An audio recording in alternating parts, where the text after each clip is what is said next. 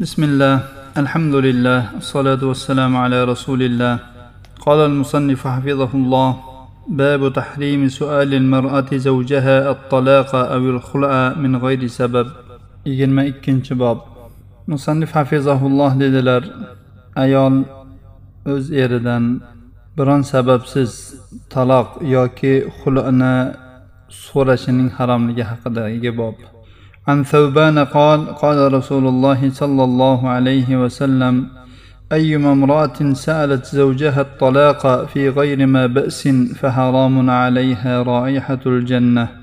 سابان رضي الله عنه دروات خندا رسول الله صلى الله عليه وسلم ددلر قيبر أيال إردن بران سبب سز طلاق سوريديان بولسا أنجا جنة هدى حرام در er xotinlik aloqasi o'ziga xos bir aloqa bo'lib bu ikki sherik o'z sherigidan boshqa odamlar ko'rmaydigan ko'p narsalarni ko'rishadi. Bir birining ya'ni odob axloqlari turish turmushlari va badallaridagi har xil agar masalan ayblar bo'ladigan bo'lsa ya'ni ular xilqatini ham xulqini ham bilishadi yaqindan. Bu esa har ikki tomonga erga ham xotinga ham yaqinlik yoki uzoqlik muhabbat yoki yomon ko'rish rag'bat ya'ni istak yoki qo'rqinchni ziyodalashtiradi. Buning oqibatida esa shu nikoh tugunini saqlab qolish yoki uni yechib yuborishga bo'lgan rag'bat hosil bo'ladi. Nikoh tugunini saqlab qolish bu shar'an rag'batlantirilgan ish bo'lib bu yerdagi mushkula shu tugunni yechib yuborishdadir. Chunki nikoh tugunini yechiradigan bo'lsa buning orqasidan ko'p zararlar keladi. Shuning uchun ham shariat iloji boricha nikoh tugunini yechmaslikka targ'ib qilgan va iloji boricha buni saqlab qolishlikka buyurgan. Er xotinlik aloqasi doim ham musaffo bo'lmaydi. Uning osmonida gohida bulutlar paydo bo'lib turadi. Chunki bu ya'ni insoniy tabiatdan kelib chiqib er xotindan sodir bo'ladigan har xil mayda chuyda bir kelishmovchiliklarning bo'lib turishi tabiiydir. Bu kabi arzimagan kelishmovchiliklar tufayli nikohni buzib tashlashlik to'g'ri ish emas. Shar'an halol emas bu ish. Qachonki er xotin bir biri bilan yashashlik imkoniyatlari qolmasa ya'ni butun sabablarni qilib harakatlarni qilib isloh qilishga intilgandan keyin ham o'rtalaridagi kelishmovchiliklar davom etsa u holda shariat bu nikoh tugunini yechishlikka ruxsat beradi. Ammo undan boshqa holatda arzimagan sabablarga ko'ra ayol kishi talog'imni ber talog'imni ber deb darrov eriga erining yoqasiga osiladigan bo'lsa bunday ayol haqida rasululloh sollallohu alayhi vasallam aytdilarki qay bir ayol biron bir sababsiz ya'ni sabab deyilganda bir e'tiborlik jiddiy sabab. Agar jiddiy sababiki tamom bu er xotin bir yashashi mumkin emas. Ya'ni toqatlar tog' bo'lgan yani imkon qolmagan. Agar holat shunga yetmagan bo'lsa bu ayolning talog'ini so'rashining oqibati unga jannatning hidi harom ekanligidir. Nikohni ikki yo'l bilan buzish mumkin. Birinchisi taloq. Buni hamma biladi. Odamlar buni juda yaxshi bilishadi. Bunda er xotinini shu taloq so'zi bilan yoki shunga dalolat qiluvchi boshqa so'zlar bilan taloq qiladi ya'ni qo'yib yuboradi. Agar er o'z xotinini taloq qilmoqchi bo'ladigan bo'lsa uni sunnatga muvofiq taloq qilishi lozim bo'ladi. Sunnatga muvofiq taloqning ko'rishi ushbudir. U ayolini hayzdan pok bo'lgandan keyin u bilan jinsiy aloqa qilmasdan turib taloq qilishidir va bu taloqqa ikkita guvohni guvoh qiladigan bo'lsa bu ham yaxshi. Bu ayol esa uch tayiz ko'rish va undan pok bo'lish davomida erining uyida erining uyidan chiqmaydi. To iddasi tugaguncha. Er ham unga bergan mahrdan biror narsani qaytarib olishga haqli bo'lmaydi. Agar mahrdan biror miqdori qolib ketgan bo'lsa uni to'la qilib berishi va javobini berayotgan paytda iddasi tugab chiqib ketayotgan paytda unga bir muta deb qo'yiladi bir hadya shu ko'nglini ko'tarib bir ba'zi narsalar berib qo'yishi sunnatga muvofiqdir. Odatda taloq erning rag'bati bilan bo'ladi. Shuning uchun ham bu taloqdagi qarorni er oladi ya'ni er qaror qiladi va buning mas'uliyatini ham er ko'taradi. Nikohni buzishni ikkinchi yo'li xulodir.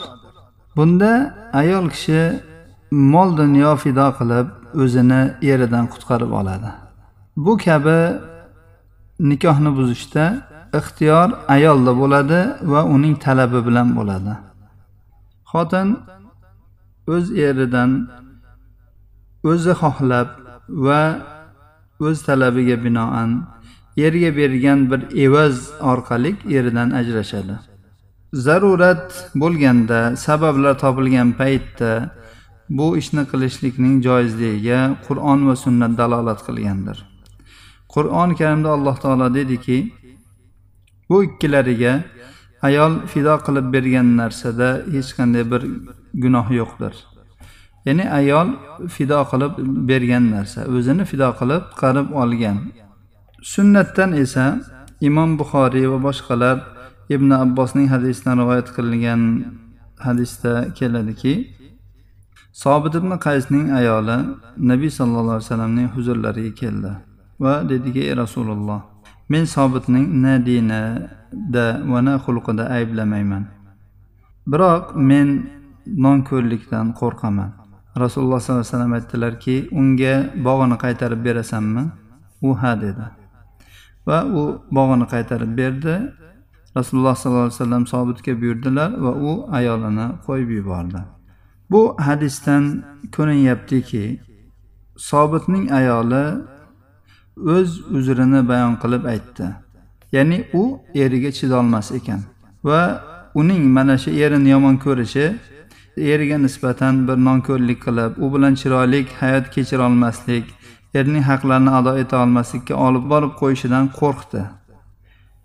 Shuning uchun ham u ya'ni shu rasululloh sollallohu alayhi vasallam aytgan sizlar yerga nonko'r bo'lasizlar degan hadislarga ko'ra mana shu hadisga tushib qolishlikdan ham qo'rqib men nonko'r bo'lib qolishdan qo'rqaman dedi. Demak ushbu hadisning dalolatiga ko'ra er xotin tomonidan berilgan evazni qabul qilishligida hech qanday bir e, ziyon yo'qdir. Joizdir bu. Lekin buning bir sharti qo'lini talab qilish ayol tomonidan bo'lishi kerak va o'z rag'bati bilan bo'lishi kerak.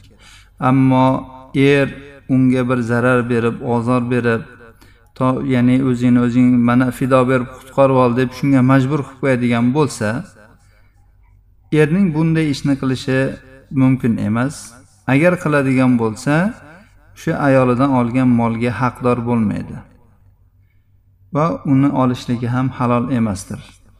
Chunki alloh taolo niso surasining o'n to'qqizinchi oyatida aytdiki sizlar ayollaringlarga bergan mahallarning ba'zisini qaytarib olish uchun ularga tazyiq o'tkazmanglar. Faqat ular bir ochiq bir fahsh ishni qilishadigan bo'lsa bu holat mustasnodir dedi. Ibn qudama rahimaulloh aytadilarki ammo er o'z xotiniga tazyiq o'tkazsa va uni ursa yoki uni e, nafaqadan bo'lgan va boshqa ba'zi haqlarni man qiladigan bo'lsa va shu holatda ayol o'zini eridan fido bilan qutqarib oladigan bo'lsa bu xul botildir. Evaz esa qaytarib beriladi. Imom molik bu fidyasini berib shu xul qilgan ayol haqida aytadilarki agar uning eri unga zarar berganligi unga ta'sir o'tkazganligi bilinadigan bo'lsa va erning zolim ekanligi aniq bilinadigan bo'lsa taloq o'tadi ya'ni taloq ketib tushadi va lekin mol unga qaytarib beriladi ayolga moli qaytarib beriladi. Agar xulo er tomonidan bir zarar berishsiz bo'lgan bo'lsa xulodagi evazning joizligi bu oilalarning istiqrori uchundir va erkaklarning haqlarini saqlash uchundir. Hattoki xula oilalarni buzib yuborish uchun va erkaklarning mollarini sovurish uchun bir yengilgina sabab bo'lib qolmasin. Ayollar ham bu narsada shoshishmasin ya'ni shoshib qolishmasin. Agar xula evassiz bo'ladigan bo'lsa aksar ayollar nima qilishardi? Shu arzimagan ixtiloflar sababli erlaridan xuloni talab qilishadigan bo'lib qolishgan bo'lardi. Xuloda beriladigan evazning miqdori qancha ekanligi haqida ulamolar turli so'zlarni aytganlar. Gohlar aytganlarki bu shu er bergan mahr miqdorida bo'ladi. Chunki rasululloh sollallohu alayhi vasallam sobitning ayoliga aytdilarki unga bog'ini qaytarib berasanmi? Bu bog' uning mahri edi. Goh ulamolar aytdilarki bu oz bo'lsin ko'p bo'lsin joizdir. Bu so'zni jumhur aytgan. Ibn hajar rahimaulloh aytadilarki ibn battol dedi jumhur ulamo er uchun xuloda bergan mahridan ko'ra ko'proq narsani olishi joizdir. Imom molik aytadilarki men unga ergashilishi mumkin bo'lgan biror odamni bu narsadan qaytarganligini ko'rmadim. Ya'ni oshiqroq olishdan qaytarganini ko'rmadim. Lekin oshiqroq olish makorimil axloqdan emas. Bu yaxshi xulq emas. Ulamolar shu xulo bo'lganda bu taloq o'rniga o'tadimi yoki e, taloq emasmi degan masalada ham ixtilof qilishgan. Jumhur ulamo shu taloq desin demasin xulo bo'lsa taloq tushadi deganlar bir taloq tushadi deganlar. Ba'zi ulamolar taloqqa e'tibor qilinmaydi xulo alohida narsa deganlar. Xulo bilan taloq o'rtasidagi farq iddasini ichida bo'lsin iddadan keyin bo'lsin ayolini qaytarib olishga haqli bo'lmaydi. Taloqda esa er o'z ayolini modomiki iddasi tugamagan ekan nikohsiz qaytarib olishi mumkin. Demak ayol kishi qat'iy bir sabab bo'lmaydigan bo'lsa o'z eridan taloqni yoki xuloni talab qilishligi yaxshi emas. Agar u talab qiladigan bo'lsa rasululloh sollallohu alayhi vasallamning ushbu so'zlarida kelgan unga jannatning hidi harom bo'ladi degan qattiq vaidga tushib qoladi.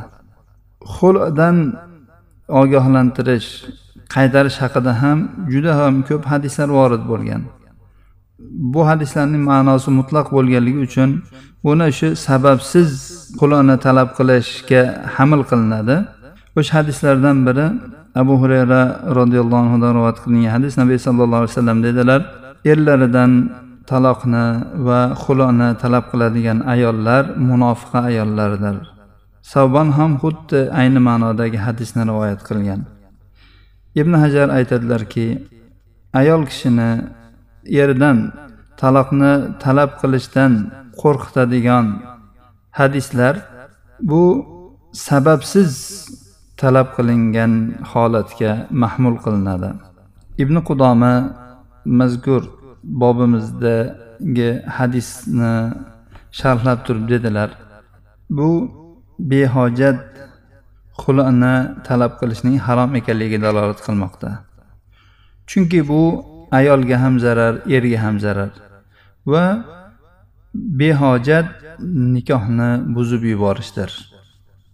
Rasululloh sollallohu alayhi vasallamdan biror bir ishni qilgan yoki biror bir so'zni aytgan odam haqida unga jannatning hidi haromdir deb aytgan so'zlari mana shu ishni yoki so'zning harom ekanligiga dalildir.